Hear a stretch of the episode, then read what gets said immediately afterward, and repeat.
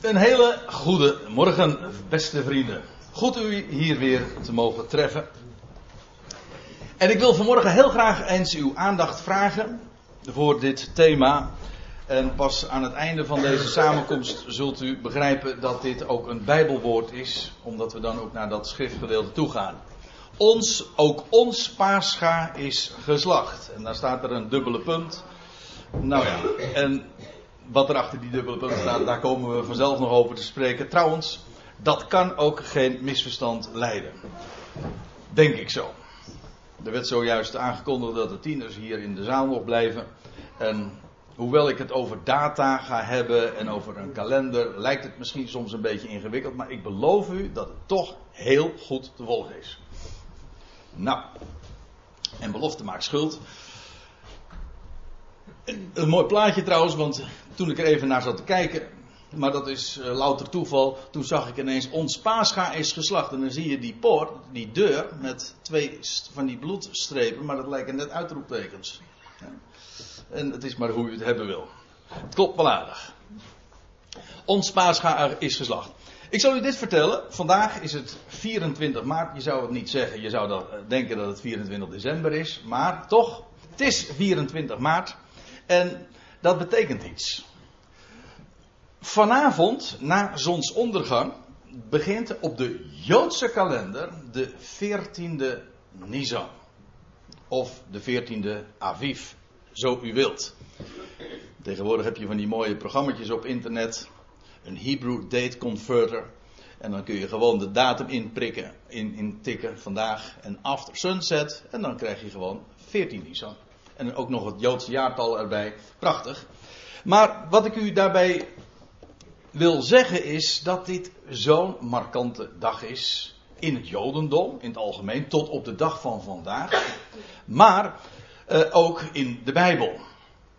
En daarvoor moet je eigenlijk terug naar een hele tijd geleden. 3500 jaar geleden, zo ongeveer.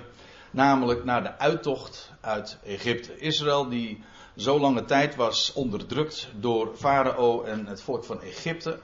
En toen vonden er een aantal plagen plaats. Een negental. En vlak voor die tiende plaag, eigenlijk is dat niet echt een plaag meer. Het zijn negen plagen. En dat tiende gericht, zo moet je dan eigenlijk zeggen. Dat was het, het, eh, de dood aan alle eerstgeborenen in Egypteland. Maar het volk van Israël zou daarvan uitgezonderd zijn. Dat was allemaal vlak voordat ze werkelijk onder leiding van Mozes door de Schelfzee zouden gaan, door de Rode Zee en zo op weg naar het beloofde land. En dat wordt tot op de dag van vandaag jaarlijks gevierd door de Joden, door het volk van Israël. En men noemt dat Pesach. Maar Pascha en Pesach is exact hetzelfde. Dus vandaag, of vanavond moet ik eigenlijk, om het correct te zeggen, want Joodse dagen, dat is een beetje een, een lastig punt.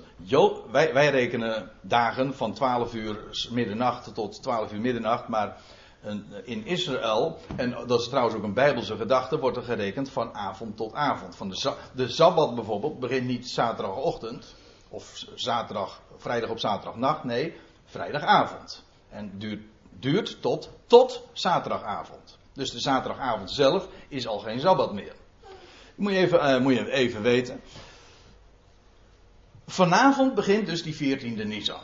En daarna, dat zal ik dan ook meteen even vertellen, voordat ik dat zou vergeten. Dan heb je die 14e Nisan, dat is de dag dat het lam geslacht wordt. Ik kom daarop terug. En dan vervolgens krijg je een week lang een feest. Als je nu naar Israël gaat, dan, dan krijg je een week lang matzes voorgeschoteld. Dat wil zeggen ongezuurd brood. De week van Pesach noemt men dat dan. Eh, de week van ongezuurde broden. En deze dag is altijd een, een hele happening, die veertiende, want ja, dan wordt de grote schoonmaak gehouden. Echt, onze grote schoonmaak is misschien wel even leuk om erbij te vermelden. Uh, het idee, dat is nu niet zo heel erg bekend meer, maar het is zo, van origine, grote schoonmaak moest altijd uh, voor de baas plaatsvinden. In het voorjaar, voor de Pasen moest, niet waar altijd in, hm? voor de Pasen moest uh, moest het huis helemaal aan kant zijn. En dat heeft, die gedachte heeft een bijbelse oorsprong, namelijk dat men voor het Pesachfeest, de 14e Nisan, zou men het huis helemaal reinigen van elk stukje zuurdegen, zuurdezem. Dat wil zeggen, elk stukje brood, alles wat, eh, waar gist in zit, alles wat gerezen is, tot de kruimeltjes aan toe. Er mocht geen kruimeltje meer in huis te vinden zijn wat zuurdezem bevat. Nou, dat is zo goed als alles hoor. Alles wat gegist is, dat moest alles eruit. En dat vond plaats uiterlijk op de 14e Nisan. Nou, ik ga daar wat meer over vertellen, maar voordat ik dat doe, ga ik eerst eens even naar Exodus 12, want daar vinden we de hele oorsprong van dit gebeuren. Exodus 12, en dan lees je, en de Heere zeide tot Mozes en tot Aaron in het land van Egypte, deze maand zal u het begin der maanden zijn. Zij zal u de eerste der maanden van het jaar zijn. Hé, hey, dat is een, een opmerkelijk ding, want u moet weten. Ik ga dat nu niet aantonen, maar ik vertel het u als, als, eigenlijk als mededeling. Deze maand, dit was de zevende maand. Dus er waren al zes maanden voorbij gegaan. Het was de zevende maand. Maar nu zegt God: Dit wat er nu gaat gebeuren. Dit is zo belangrijk. Voortaan is deze maand de eerste van de maanden. Dat is wat hier staat. Dus die zevende maand werd voortaan de eerste. Met als merkwaardig verschijnsel, en als u een klein beetje bekend bent met de Joodse kalender, dan weet u dat het waar is wat ik nu zeg. Met als merkwaardig verschijnsel dat je dus. Het Joodse nieuwjaar wordt, wordt altijd gevierd in de zevende maand. Wat oorspronkelijk dus. Deze, dit is de kalender. Maar men, die, die, aangezien die telling van maanden gewijzigd is, viert men dus nieuwjaarsdag in de zevende maand, halverwege het jaar. Dat is een heel vreemd verschijnsel, dat is pas in het najaar. En dat vindt hier dus zijn oorsprong. Goed. En dan, deze maand dus, die zevende maand, dat was het altijd, wordt voortaan de eerste van de maanden. De maand Nisan. Is, zo staat hij nu bekend. Uh, in de Bijbel wordt hij meestal Aviv genoemd. Abib. De maand Abib, maar Abib dat is hetzelfde als Aviv. Denk aan Tel Aviv. Aviv betekent lente. Het voorjaar. Eigenlijk ook heel logisch. Jaar zou beginnen bij het voorjaar. Nieuw leven. Was bij ons trouwens ook van origine. Ons, ons jaar begon ook destijds, dan praat je echt over duizend jaren geleden, in maart. In het voorjaar. De maand maart was de eerste der maanden. Tegenwoordig is dat allemaal anders. Maar in, onze, in, in de nummering van de maanden herken je het nog. Want dan zie je bijvoorbeeld september is de zou de zevende moeten zijn, de oktober, november, december is DK, het is de tiende maand. Dus dan krijg je januari is de elfde maand en februari de twaalfde maand. Vandaar ook dat februari de schrikkelmaand is. Dan corrigeert men de eventuele dagen, de schrikkeldagen. Dus ja, nu is dat allemaal anders. Maar goed. Maar uh, dit zou voortaan de eerste der maanden zijn. Aviv, Nisan.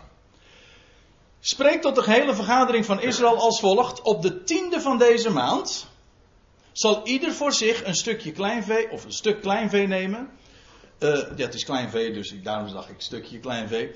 Maar een stuk kleinvee nemen, familiesgewijs. Een stuk, één stuk kleinvee per gezin. Dat was in de praktijk een lam of een bokje. En dat, dat lees je ook. Ik sla een vers over, want ik ga niet echt alles lezen, want dat zou echt te veel worden een gaaf, mannelijk, eenjarig stuk kleinvee moet gaan nemen. Gij kunt dit nemen van de schapen of van de geiten. Dat maakte dan dus niet uit. Het moest een stuk kleinvee zijn. Met deze opties. Maar in elk geval gaaf. Het mocht niets mankeren. Niet een zieke. Je zou eens denken van nou ja, dat is makkelijk. Dan nemen we een ziek dier. Nee, het moest juist een gaaf. Een volmaakt lam zijn. Ik houd er eventjes op dat het een lam is, maar u mag ook invullen een bokje. En bovendien, mannelijk, eenjarig, dus nog zeer jong. En gij zult het bewaren tot de veertiende dag van deze maand. Dus op de tiende van die maand nam men het in huis. En dan vervolgens had men een, een gedurende vier dagen een lammetje in huis of een bokje. Vandaar ook dat de meeste huizen, Joodse huizen, ook een kribbe in huis hebben. Een voederbak. Denk daar eens over na. Ja, ik moet me nu mijn mond snoeren, want anders zou ik zomaar eh, me laten verleiden tot een heel ander onderwerp. Maar goed. De Jezus, of nee, ik, nou, nou, loop ik echt op de dingen vooruit. Uh, maar men nam dus een lam in huis gedurende vier dagen in die maand. En men moest het bewaren. Je kunt je voorstellen dat als dat zo in eh, een hele, zo gedurende een klein halve week in huis rondhuppelt en, en zich daar bevindt, dat uh, de kinderen zich daaraan hechten. En dat alles vond plaats gedurende die vier dagen. Gij zult het bewaren tot de veertiende dag van deze maand. Dan en dan zal de hele vergadering der gemeente van Israël het slachten in de avondschemering. Nou, als u staatvertaling hebt, dan ziet u trouwens dat het er anders staat. Er staat er tussen twee avonden. Dat is namelijk wat er letterlijk staat. En ik, er, is wat discussie over, maar ik denk dat het gewoon te maken heeft met het fenomeen dat Joodse dagen of Hebreeuwse dagen, of kalenderdagen gerekend worden van avond tot avond. Dus in die datum, de 14e, van avond tot avond. In die dag zou dat lam geslacht worden. Dus op de tiende wordt het in huis genomen.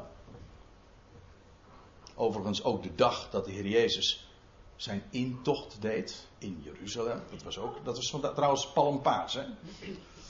Dat was een paar dagen voor zijn kruisiging. Op die dag werd het lam in huis genomen. Hoe dan ook, eh, het zou geslacht worden in de veertiende. Waar staat het?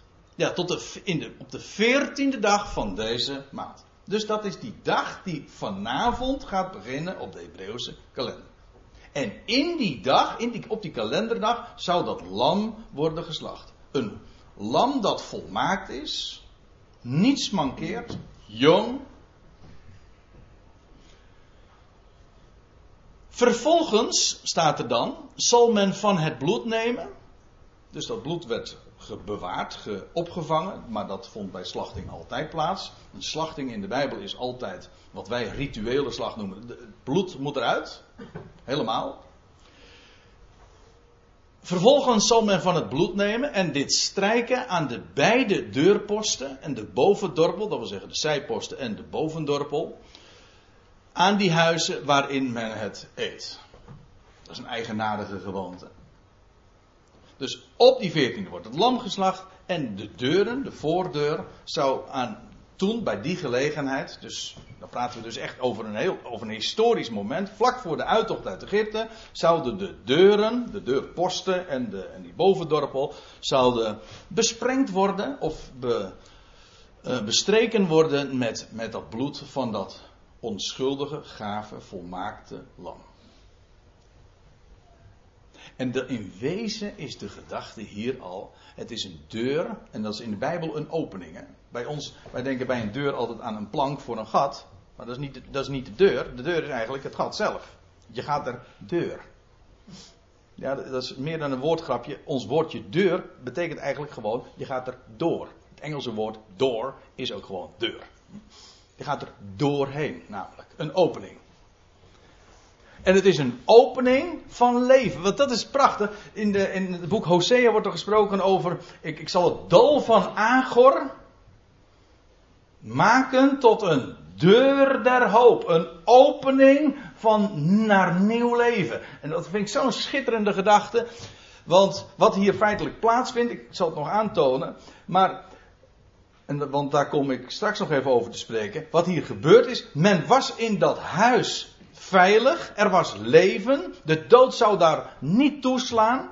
Het was dus eigenlijk een, een veilig oord waar leven was. En hoe was daar leven? Wel door de dood heen. Er was een lam geslacht en het bloed werd aan de buitenkant gezien. Men, als men binnen was, zag men dat bloed helemaal niet, maar daar ging het ook helemaal niet om. Een ander moest het zien. Ook dat zal ik u straks nog even aantonen. Er was leven dus in dat huis, een opening naar leven door de dood heen. Ik zou maar zeggen, door de dood heen. Maar dat is dan een beetje eh, Oost-Nederlands, als ik het zo zeg. door de dood heen. En feitelijk zie je hier al de, de boodschap met recht van Pascha, Pesach. Leven door de dood heen. Dankzij de dood van dat volmaakte lam dat op die bewuste dag geslacht werd. Vers 8. Het vlees zullen zij op diezelfde nacht eten.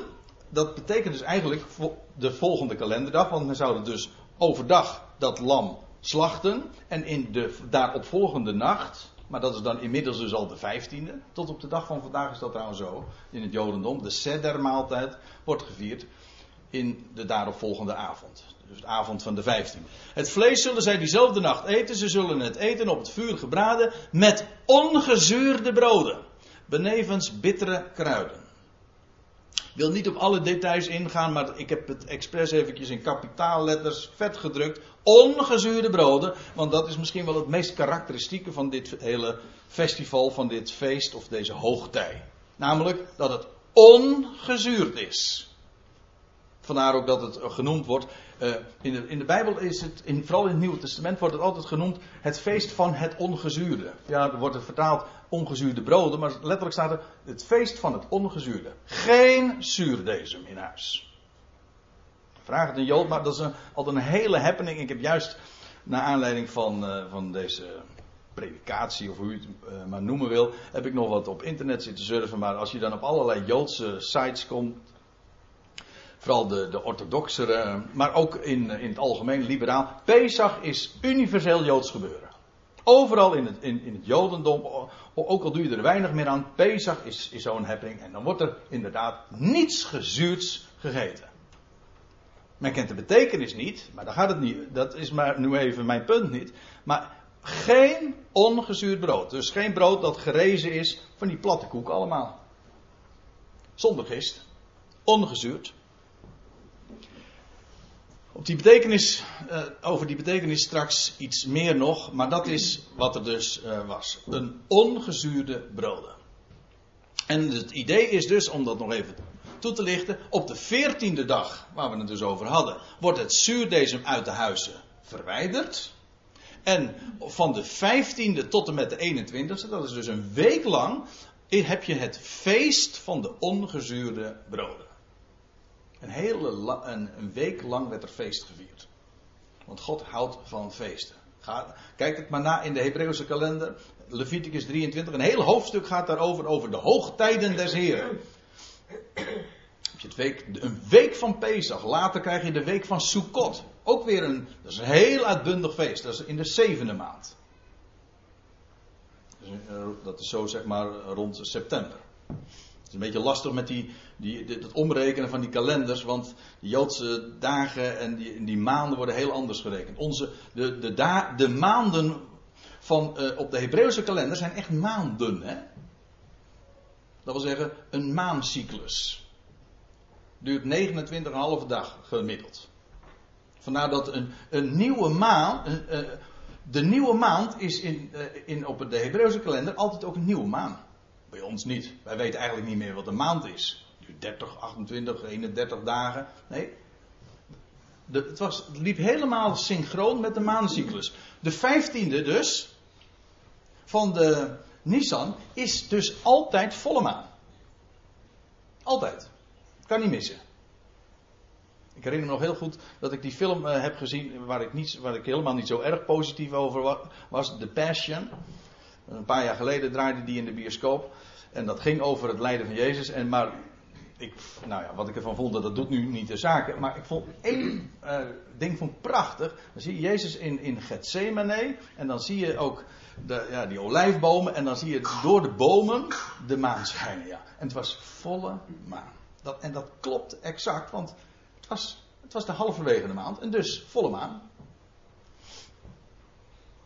Goed, dus die week werd het de week van het ongezuurde gevierd. Ik lees door. En het bloed, en het bloed zal u dienen als een teken aan de huizen waar gij zijt. En wanneer ik het bloed zie, dan ga ik u voorbij. Ah, dat vind ik zo mooi. Denk er eens over na en over wat hier precies staat. Het bloed zal u dienen als een teken aan de huizen. Dus aan al die huizen waaraan bloed is bestreken, waar de deuren, zeg maar, getekend zijn door bloed. Wel, al die huizen zou de Heer voorbij gaan. Alle huizen zouden geslagen worden. De eerstgeborene zou sterven, die nacht. Dat is een, een, een, een vreselijke, tragische nacht geweest. Alleen in de huizen van Israël was leven, werd de eerstgeborene niet geslagen. Waarom niet? Wel, om deze reden. Het bloed diende als teken. En wanneer ik het bloed zie, het ging er niet om of zij het zelf zagen. De Heer zou het zien. Als de, als de, de, als de Heer dat bloed zou zien, dan zal ik u voorbij gaan. En dat is nog iets interessants, want dan komen we op de betekenis van het woordje Pascha terecht. Want dan zie je hier dus pass over. En dat is het Engelse woord voor Pascha. Pass over. Maar dat betekent eigenlijk passeren. Denk trouwens aan ons woord passeren. Pasen, passeren, voorbijgaan. Is allemaal hetzelfde. Hier zie je dus in het Hebreeuws tussen te staan, dan ga ik u voorbij. En wij zouden daar zomaar aan voorbij gaan. Hè.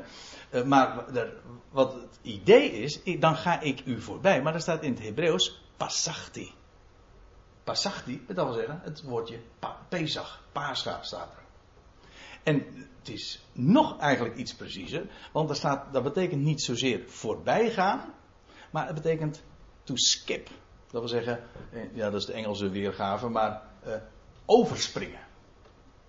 Ik had destijds, misschien wel leuk om even te vertellen, ik had destijds een, een, eh, een Joodse collega, een Israëlische collega. En die was volstrekt liberaal. Maar die, zei, die vertelde mij ooit, en dat is misschien wel 30 jaar geleden. Hij zei: Weet je, iedereen zegt altijd voor Pesach betekent voorbijgaan. Hij zei: Dat is niet waar. Hij sprak gewoon Hebreeuws, Ivriet. Hij zegt: Pesach betekent helemaal niet voorbijgaan. Hij zegt dat betekent springen, overspringen. Hij, hij, baseerde dat gewoon op het moderne Hebreeuws. Dat, dat, is wat uh, Pesach, dat werkwoord, betekent. overspringen. Als ik erover nadenk, zou dat nog iets te maken hebben met de paashaas. Hm? Nou, dat zou, me, dat, zou me niet verbazen. Springen. Springen. Let op spring. Ja, spring is in the air. Hè? Ja, maar spring, dat is nieuw leven. Alles springt open. Nieuw leven. Pascha, Pesach, passeren, voorbijgaan. Nou ja, al dat soort associaties die komen zo dan voorbij. Ja. Als ik het bloed zie, dan ga ik u voorbij. En al dus zal er geen verdervende plaag onder u zijn, wanneer ik het land Egypte sla. Waarom? Vanwege het feit dat ze Joden waren? Nee, omdat als ik het bloed zie. Dat was het criterium. Dat was de norm. En dat was de reden dat men veilig was in het huis. Niet omdat zij bloed zagen, of omdat ze zo goed waren, of vanwege hun prestaties, of vanwege hun afkomst. Dat maakte geen enkel verschil. Er was maar één reden waarom er leven was in dat huis. En waarom die deur ineens een, een ondanks dat het besmeurd was met bloed, van een onschuldig lam. Er was maar één reden waarom men veilig was. Wel vanwege die deur die besprengd was of die besmeurd was met bloed. Daarom was men veilig.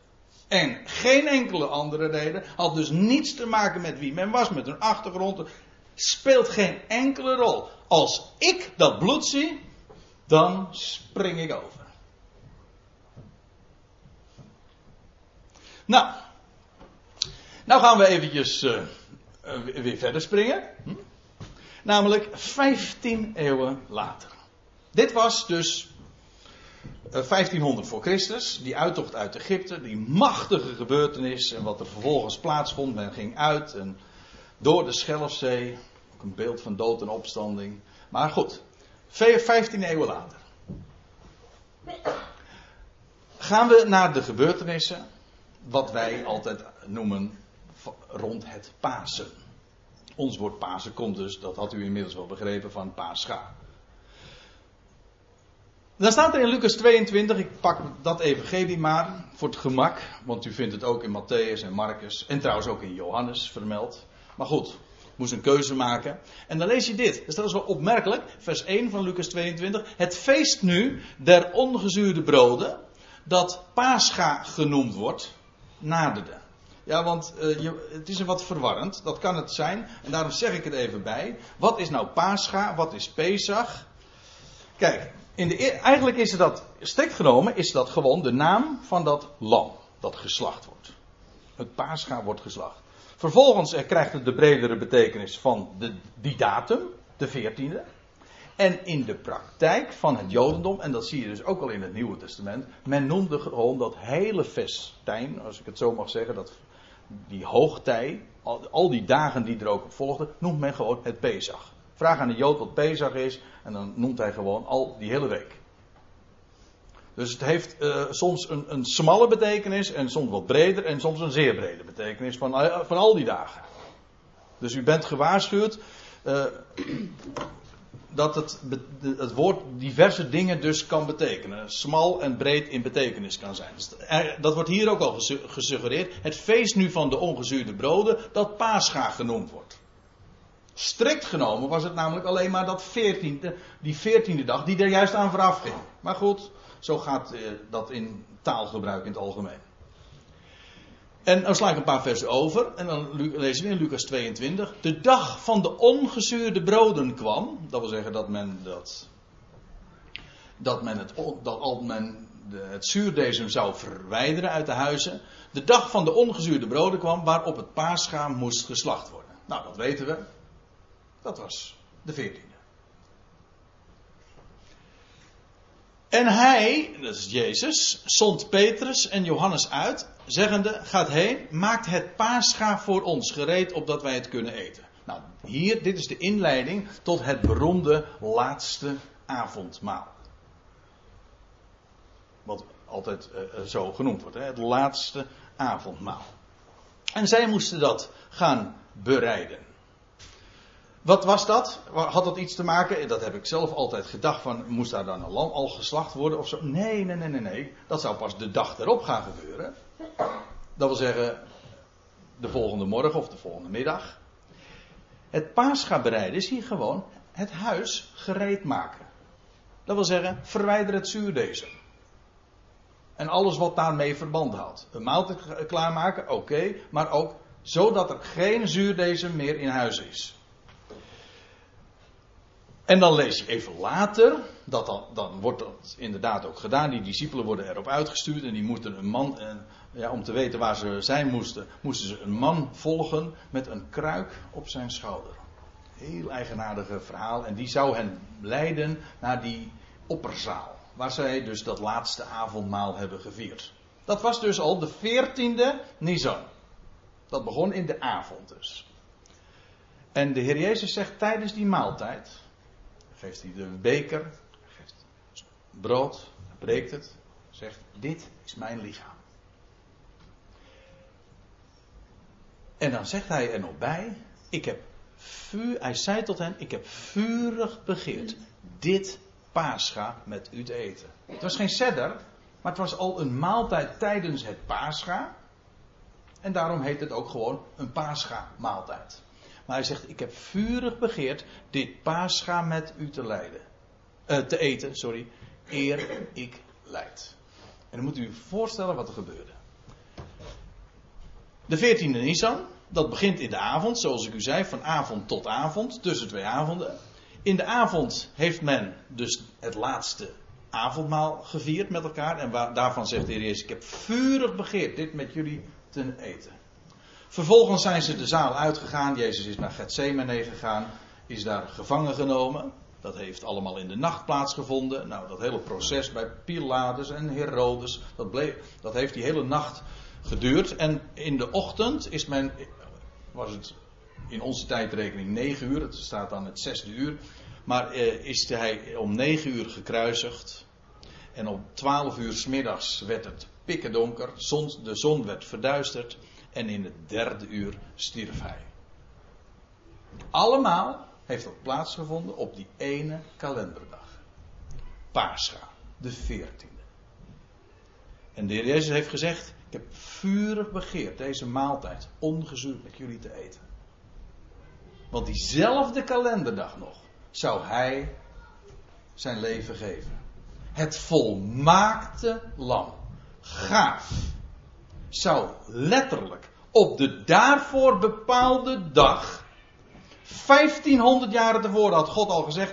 Op de veertiende dag zal dat lam geslacht worden. En het is de dag dat Jezus, het lam Gods, geslacht werd. Hij werd ook letterlijk geslacht, want hij kreeg voordat hij stierf. Ik zeg nu iets wat onbekend is, maar hij, voordat hij stierf, kreeg hij een speer in zijn zijde. Hij werd echt geslacht en hij bloedde dood. Ik loop nu het risico dat ik straks een hoop vragen krijg, want dat het wat anders zou zijn. Maar goed, uh, dat zei zo.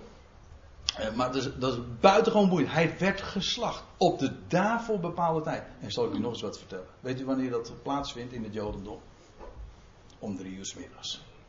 Dus op het uur dat op het tempelplein de lammeren geslacht werden, werd even buiten de poorten van Jeruzalem, als u mij vraagt op de Olijfberg, werd hij daadwerkelijk geslacht en stierf hij en gaf zijn leven. Op dat uur nauwkeurig, zoals God het bepaald had. Het volmaakte lam Gods. Hij werd geslacht. En door zijn slachting is er inderdaad leven. Spring. Is er veiligheid. Door zijn dood heeft hij het leven uh, uh, gebracht.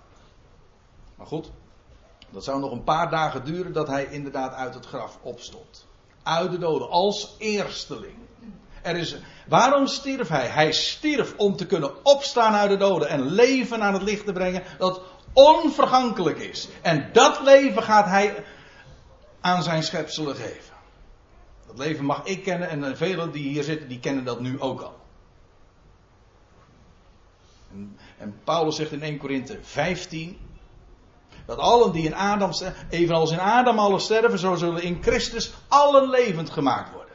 Dat wil zeggen, die, dat leven dat hij aan het licht bracht uit, toen hij opstond uit de doden, wel, dat wordt het deel van die nieuwe mensheid. Geweldig, geweldig. Maar even bij de les blijven, de 14e Nisan. Het lam werd geslacht op die bewuste kalenderdag. Die datum. En dan ga ik nog even verder. Pascha nu. Wat bedoel ik daarmee? Wel, ik wil u even meenemen ten slotte naar 1 Korinthe 5. Ik had het net even over 1 Korinthe 15. Dat is het hoofdstuk over de levendmaking en over de opstanding van Jezus Christus. Maar nu ga ik het even hebben over dat Pascha. En ook dat is tevens een toelichting op de titel waar ik al even over uh, sprak. En dat ik u beloofde uh, duidelijk te maken. Wel, je leest in 1 Korinthe 5, dit, uh, 1 Korinthe 5 vers 7 dit. En het verband doet nu even niet ter zake. Dat wil zeggen, dat moet ik even uh, laten voor wat het is. Het gaat mij om dat zevende en achtste vers. Daar zegt, daar zegt Paulus, of schrijft hij dit aan hen. Doet het oude zuurdeeg weg, opdat gij een vers deeg moogt zijn.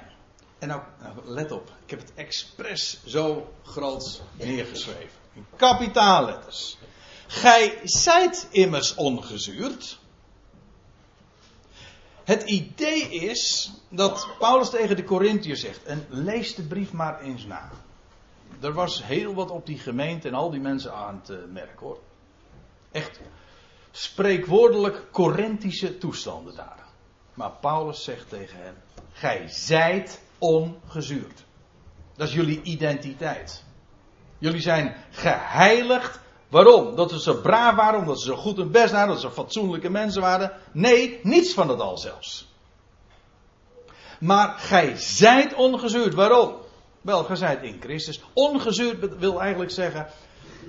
Ja, zuurdesem in de Bijbel is altijd een beeld van boosheid. Ik zal het straks ook trouwens nog laten zien. Van kwaad. Van, het, is heel het is heel makkelijk te onthouden. Van bederf. Als iets bederft, dan wordt het zuur. Ja. Dat is het leuke. Kijk, gewoon brood dat gerezen is hè, met gist. Dat bederft. Dat is na een paar dagen niet goed meer. Het wordt eerst oud en daarna is het niet goed meer. Dat is het leuke met die, met die ongezuurde brood. Dat, dat, dat, dat blijft altijd goed. Ongezuurd brood, dat is onbederfelijk. Dat verzuurt niet. En ongezuurd brood is eigenlijk. Eh, dat is brood waar, geen, waar niks van de vorige dag in zit. Een stukje, zodra er een stukje deeg, dat moet vers deeg zijn, er mag geen stukje deeg van de vorige dag in zijn, zitten, want dan, dan gist het. Dan gaat het gezuurd worden. Ons woord gist komt trouwens ook van gisteren. Iets van de vorige dag. Iets dan, ondergezuurd. Maar deze, deze zin. Gij zijt immers ongezuurd. Dat zegt Paulus van die Corinthiërs. En later in de, in de tweede Korinthebrief zegt hij, ook hoofdstuk 5, daar zegt hij. Zo is dat. Wie in, Christus is. Dat wil zeggen de opgestane Heer. De gestorvene, de 14e Nisan. En opgestane Heer op de 17e Nisan. Zo is dan wie in Christus is een nieuwe schepping. Het oude, gisteren, zuurdesem, is voorbij gegaan. Zie, een nieuwe schepping. Zie, het nieuwe is gekomen.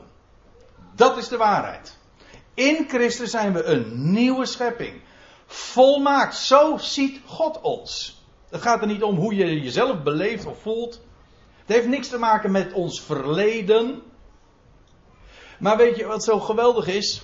Als Paulus zegt van doet het oude zuurdeeg weg, dan zegt hij niet van, eh, dan gaat het niet om fatsoen of om religieuze activiteiten, hoe vroom ook, hoe christelijk ook. Nee, hij gaat dat oude zuurdeeg wegdoen, weet je wat dat is? Dat is gaan beseffen dat je uh, ongezuurd bent. Dat heeft te maken met bewustzijn dat je van je identiteit. Het, eh, het, is geen oproep tot een activiteit, het is een bewustwording van je identiteit. Realisatie betekent trouwens ook niet dat je iets realiteit maakt, maar je realiseren betekent dat je je bewust wordt wat de realiteit is. Ik realiseer me ineens dat ik vandaag jarig ben. Dat, dat, niet, dan maak je jezelf niet ineens jarig. Nee, ik ben jarig, maar ik was me er niet van bewust ben overigens niet jarig, maar dat is een ander punt. Anders gaat iedereen me straks weer feliciteren. Ja, mag me wel feliciteren, maar dat is dan omdat ik ongezuurd ben. Nee, ja, eh, dat is het leuke. Dat maakt je ook echt ongezuurd. waarom zouden mensen allemaal zo zuur kijken? Waarom zouden zoveel mensen zuur kijken? Dat komt omdat ze altijd met, met dat van gisteren mee rondlopen. Echt waar. En ze tobben altijd maar met het verleden, met het oude. Wat, en ja, natuurlijk. Dit gaat allemaal voorbij. Als je daarnaar kijkt, het is allemaal zuur. zo zuur. En dan worden mensen zich zuur pruimen. Dan gaan ze zuur kijken, gaan ze zuur praten. Het is allemaal vergankelijkheid. Waarom? Het heeft allemaal te maken met die gist. Ze lopen, ze, men topt met het verleden. Maar wij zijn geen mensen van, van gisteren. Wij zijn niet van gisteren. Nee, en ik ben ook niet bij de tijd, want dan ben ik van vandaag, ik ben van morgen. Kijk. Ja, wij zijn mensen van de toekomst. We hebben geen verleden, we hebben een toekomst. Dat verleden dat heeft hij weggedaan. Dat is voorbij. Voorbij. Pascha. En dan springen we daar overheen. Dus eh, dit is zo belangrijk. Het gaat er niet om het gaat er niet om wat je moet doen. Het gaat erom dat je beseft wie jij in hem bent. En weet je wat een ongezuurd leven is? Kijk. Ja, ons paascha is geslacht, Christus, maar ik wil dit. Laten wij feest vieren. Hoe? Hoe kun je feest vieren? Als je altijd maar met dat van gist, met dat gist rondloopt.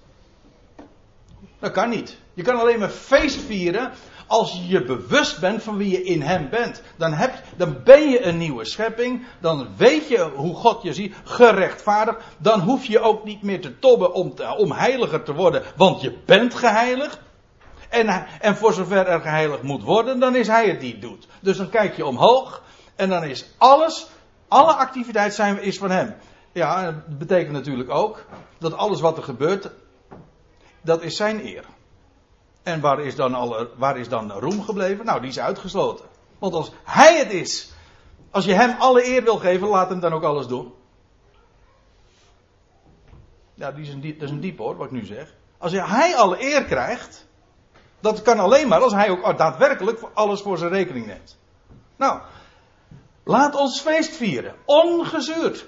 Weg met dat geest. Al dat, dat is voorbij. En niet, dat, dat is niet iets wat wij zouden doen. Het is beseffen wat je bent in hem. De toekomst. Leven, kracht, vreugde, vrede. Alles is er overvloedig. Dat is niet een kwestie van, Heer, wilt u mij kracht geven? Hij geeft jou kracht. Hij belooft het allemaal. In wezen, als je zulke dingen bidt, het mag dan heel christelijk en heel vroom zijn.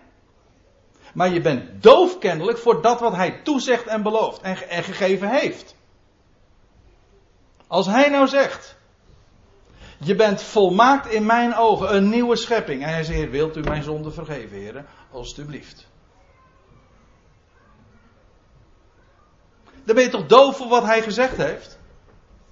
Dank hem gewoon voor wat, hij, wat je in hem bent. Je identiteit je bewust worden. Kijk, en dan valt er wat te vieren. En nou heb ik één ding nog vergeten. Nou, ik moet wel, uh, moet wel uh, een beetje opschieten ook natuurlijk. Maar even dit. Gij zijt immers ongezuurd. En dan zegt Paulus dit. Want ook ons paascha, en de nieuwe vertaling staat ons paaslam, maar ik hou, ja, nou goed. Wat ik met het woord Pasen heb, dat is eh, nog even een ander verhaal. Maar het staat gewoon Pascha. Dat is genoeg om nu even te vermelden. Want ook ons Pascha is geslacht. Christus. Dat wil zeggen, hij die opgestaan is en nu de gezalfde aan Gods rechterhand. De Christus. Ons Pascha is geslacht. Ja, op welke dag? Nou, er is maar één dag daarvoor uh, gereserveerd. Al Duizenden jaren tevoren had God dat al bepaald. En hij is geslacht. Op de dag, wat zeg ik, op het uur nauwkeurig. Ons paascha is geslacht. Nou, zegt Paulus, laten wij derde halve feest vieren.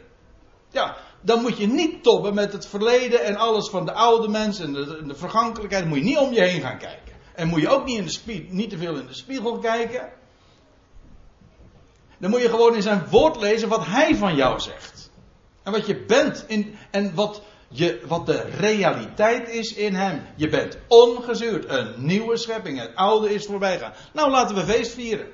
En weet u, dat is ook het enige wat werkelijk vreugde geeft. Op het moment dat je je realiseert wie je bent en mag zijn in hem. En dan ga je omhoog kijken en dan ga je God danken. Ja, maar zo makkelijk kan het toch allemaal niet maar niet zijn, hè? Ja, zo makkelijk is het nu juist wel. Ja, maar ik heb, je, moest eens, je moest eens weten wat voor slecht verleden ik heb en hoe ik daarmee top. Nou, ik heb één, ik heb één goed nieuws. Dus één, er is één voordeel over een heel slecht verleden. Het is verleden. Het is voorbij. En dat is nou precies wat, ik, uh, wat Paulus hier ook vertelt. Het is gisteren.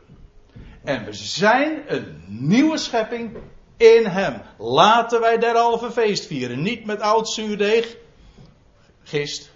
Nog met zuurdeeg van slechtheid en boosheid. Vergankelijkheid en alles wat, alle toestanden die daarbij mee te maken hebben. Lees 1 Korinthe 5 en dat hele hoofdstuk maar dus, en, en de omliggende hoofdstukken. Dan weet je precies waar Paulus het over heeft. Dat is allemaal gist. Maar met ongezuurd brood. Van reinheid en waarheid. En de waarheid is, je bent ongezuurd in hem.